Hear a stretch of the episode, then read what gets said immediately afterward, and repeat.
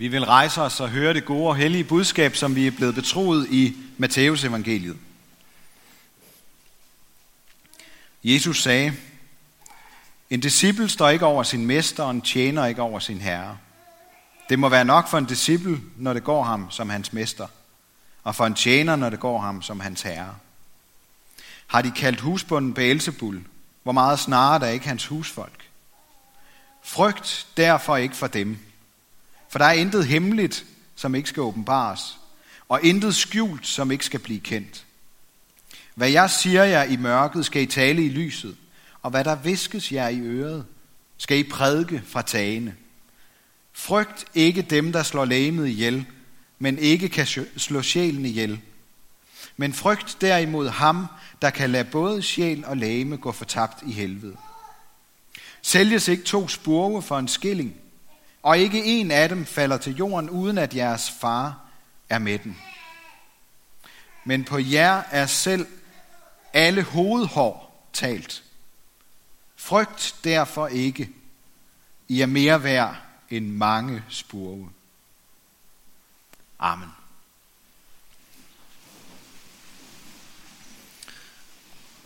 Vi vil bede eh, en bøn sammen.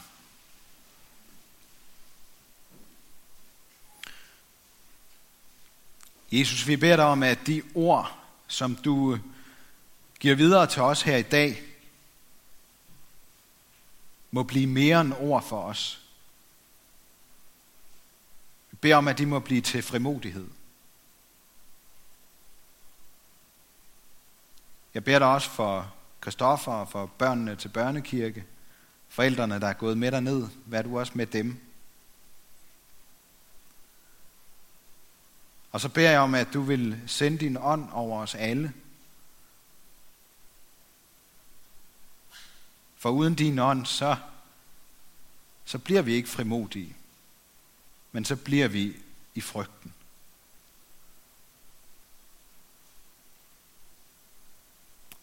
Amen. I dag vil jeg gerne gå lige på, fordi det virker som om Jesus vil have os et sted hen i dag. Han vil have os væk fra frygten og ind i frimodigheden. Jeg ved ikke, hvor meget I kender til frygt eller til frimodighed, eller hvor I mest befinder jer lige nu. Måske er frygt for nogle af os ofte noget, vi kan forsikre os ud af eller arrangere os ud af. Og i værste fald behandle os ud af gennem samtale og psykolog og sådan nogle ting. Det kan også være frygten for sygdom eller tab eller smerte, der fylder. Altså en almen menneskelig frygt for at miste det, vi sætter pris på i livet. Den frygt hører med til at være menneske, fordi den handler om det, vi ikke selv er herre over, eller måske ikke kan slippe for.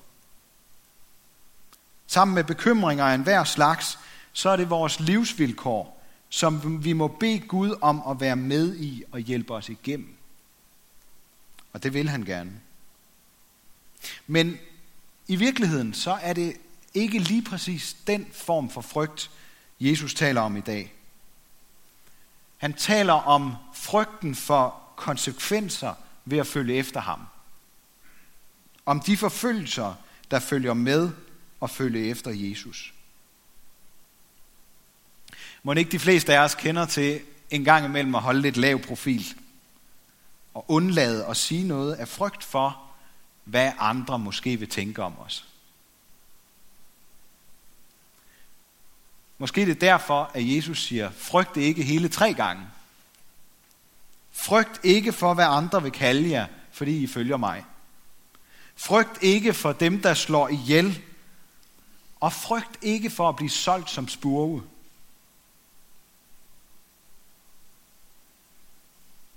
Siger han, at vi ikke skal frygte, fordi det ikke vil ske?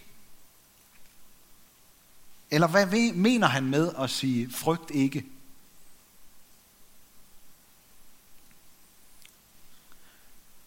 Jeg tror, Jesus mener noget i den her retning. Prøv at høre her.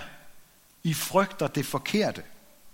Og I kommer til at misforstå jeres opgave, når I bliver bange for, hvad andre tænker om jer.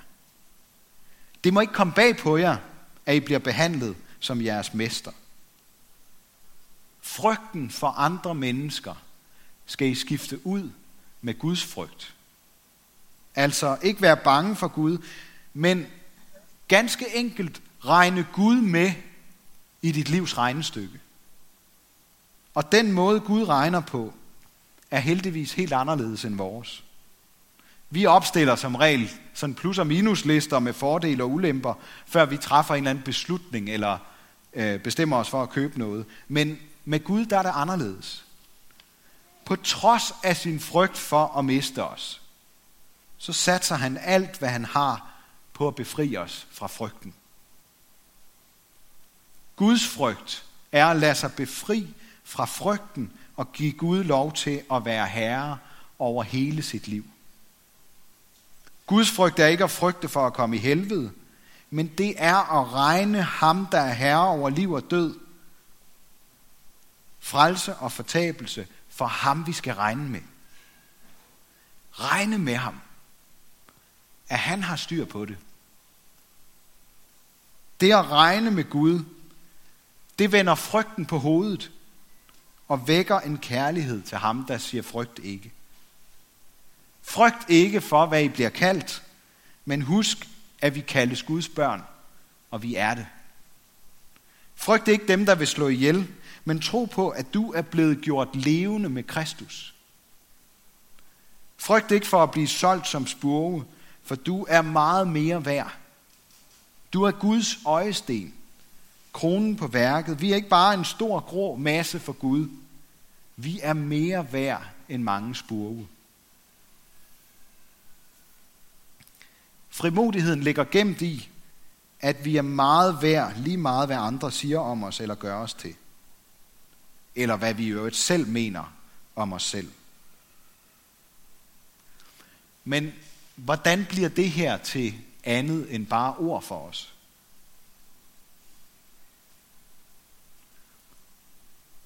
Min påstand er, at det gør det kun, når vi følger efter Jesus og trodser frygten for mennesker så vil vi opdage, at vi har brug for den frimodighed, som Jesus taler om.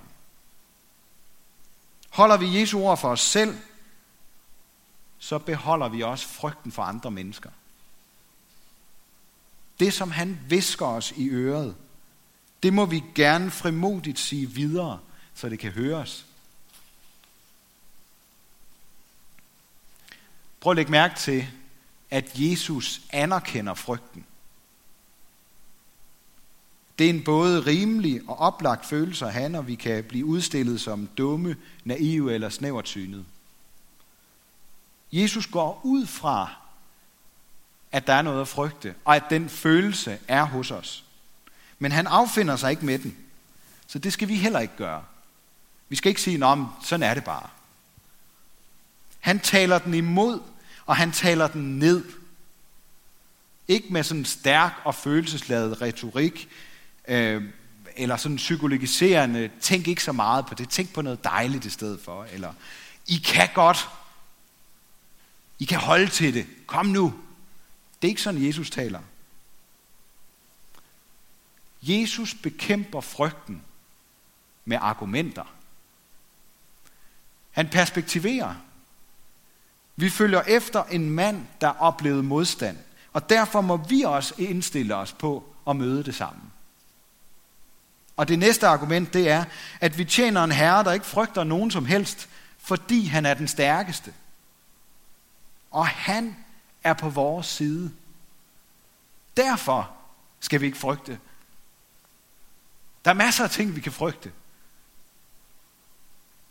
Men den stærkeste er på vores side. Det er argumenter, Jesus bekæmper frygten med. Og så ved jeg godt, det kan lyde lidt som et følelsesargument, at Gud har omsorg for os, ligesom han har for dyrene. Vi sang også om Guds omsorg i, øh, i nogle af sangene. Øh, altså, selv det mindste lille menneske betyder noget for ham. Jeg tror godt, Jesus ved, at det ikke altid får os til at føle os trygge og synge om, at Gud er vores hyrde, og han passer på os og sådan nogle ting. Eller det der med at føle, at vi er en del af et, øh, noget større, vi er en del af noget levende, øh, vi er en del af alt levende her på jorden, og derfor så, så, øh, så hører vi til, og så er vi noget værd, og Gud skal nok passe på os. Han ved godt, at nogle gange, så virker det bare ikke. Så bliver det tomme ord for os. Det er argumentet og løftet bag det, Jesus siger, der kan få skovlen under frygten. Stemningen kan ikke gøre det. For vi er meget mere værd end alt levende. Hvorfor? Fordi vi ikke kun lever for os selv, eller for andre for den sags skyld, men vi er skabt i Guds billede, og som kristne lever Kristus i os. Så selv midt i det, der opleves som tomhed og meningsløshed, sådan som prædikeren i den første læsning fra Bibelen, vi hørte, sat ord på, at det hele det kan der være lige meget, når der er en tid til det ene og en tid til andet, og så at det alligevel er svært for os at finde mening og hoved og hale i det hele. Der er mening, fordi vi er skabt i Guds billede, og fordi der er noget værdifuldt, der lever i os. Der er plantet en frimodighed i os, som stikker dybere end frygten. Der lever et liv i os, der regner mere med Gud, end det frygter andre mennesker. Vi har hørt, vi har hørt det ord, der skaber liv af døde. Og det kan ingen, heller ikke frygten, tage fra os. Paulus han var kendt for sin frimodighed. Han stillede sig på et tidspunkt op midt i Athen og fortalte om den hemmelighed, som Gud havde fortalt ham. Han formanede flere menigheder, når de af frygt for at være anderledes styrket den tids idoler eller den tids politisk korrekte holdninger. Og så sang han lovsangen til Gud i fængslet, så Guds hemmelighed blev kendt af både fangerne og vogterne. Og det lyder utroligt, men selv i et fængsel er der ingen fordømmelse for den, som er i Kristus Jesus. Fordi livets ånds lov i Kristus Jesus har befriet os fra syndens og dødens lov.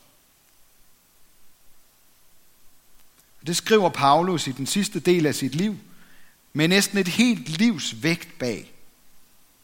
Og han har selv opdaget den frimodighed, der ligger gemt i ikke at frygte syndens og dødens lov.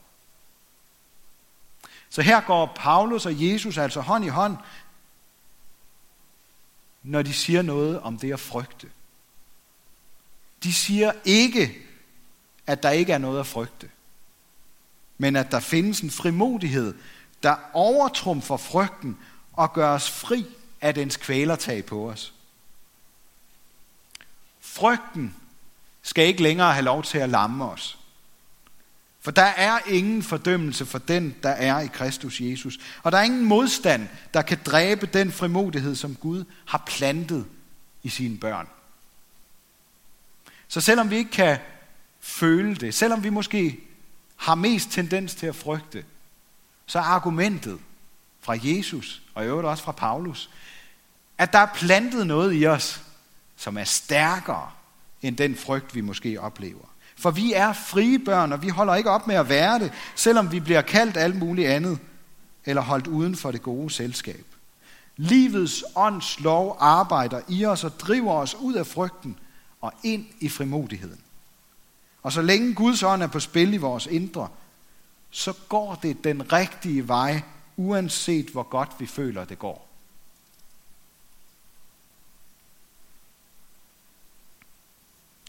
Så længe Guds ånd er på spil i vores indre, så går det den rigtige vej, uanset hvor godt vi føler, det går.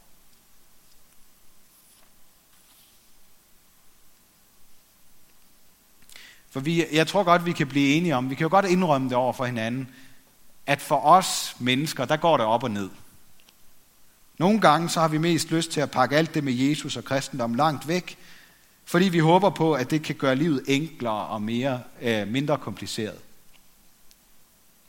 Andre gange så er vi blevet ramt af noget, der giver os lyst og frimodighed til at stå ved det, vi tror på, og være stolte af at følge Jesus.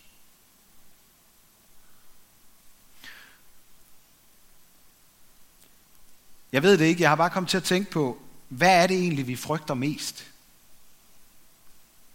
Måske er det i virkeligheden tiden, vi frygter mest. Det der med, at tiden går. At det med tiden, at vi med tiden ender et andet sted, end vi egentlig ønsker os.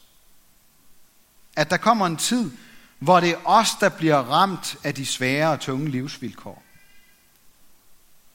Og måske er du i sådan en tid lige nu. Når vi lytter til afsnittet fra prædikernes bog, så kan vi let få den tanke, at der er noget godt og balanceret i, at det hele ikke er nemt og godt hele tiden. At livet får dybde ved både at være godt og ondt, hver ting til sin tid. At det giver farve på livet. Men pointen i prædikernes bog er det stik modsatte. For selvom Gud har lagt os verdens gang og de forskellige tider i livet på scene, så kan vi ikke regne ud, hvad Gud gør. At der er en tid til det ene og en tid til det andet, det er ikke andet end en nøgtern beskrivelse af realiteterne. At det ikke er godt, som det er. At alt er tomhed, endeløs tomhed, som prædikeren slutter med at sige. Det er prædikernes konklusion. Med den enkle tilføjelse, at vi nok gør klogt i at tænke på Gud og regne ham med, når vi nu ikke selv kan finde hoved og hale i den skæbne, der møder os. Guds frygt nævner prædikeren i prædikernes bog. Tiden, skæbnen eller verdens gang skal få os til at regne Gud med. Det er ikke Guds vilje, at alt er tomhed. Meningen med de forskellige tider er, at vi skal gøre noget, og vi skal hjælpe mennesker på forskellige måder. Og på den måde gør vi Guds vilje. Ved at vise en større mening midt i en uforståelig og urimelig verden. Som Jesus levede med alle andre menneskers livsvilkår, så skal vi leve livet som ham og tage imod den modstand, det giver og svømme imod strømmen og insistere på at skabe mening for alle, der bliver ramt af livslede og meningsløshed. Det er det, der er Guds vilje med os. Og når vi ikke kan gøre alt godt og rigtigt til rette tid, så skal vi minde hinanden om, at det gjorde Jesus. Jesus gjorde alt godt og rigtigt til rette tid, da han døde for vores skyld og opstod, og på den konkrete måde plantede den dybeste mening og frimodighed midt i vores verden. Her taler sidst. De tre gange frygt ikke, som Jesus i dag siger, de modsvares af tre gange, hvor Jesus siger, vær frimodig. Jesus møder tre konkrete mennesker midt i deres meningsløshed, og så siger han, vær frimodig. Til en lam mand sagde Jesus, vær frimodig, dine sønner tilgives dig. Til en kvinde med en kronisk sygdom sagde han, vær frimodig datter, din tro har frelst dig. Og til en blind mand gav Jesus sine disciple besked på at sige, vær frimodig, han kalder på dig. Jesus vil også tilgive, frelse og kalde på os i dag, for at bekæmpe frygten og give os frimodighed. Og den frimodighed, den hvor vi tager med os hjem og varmer os på hele sommeren. Ære være Gud, vores far, der har skabt os i sit billede. Ære være Guds søn, der tog vores straf, så vi kan slippe fri. Ære være Helligånden, ham der gør Guds kærlighed levende for os.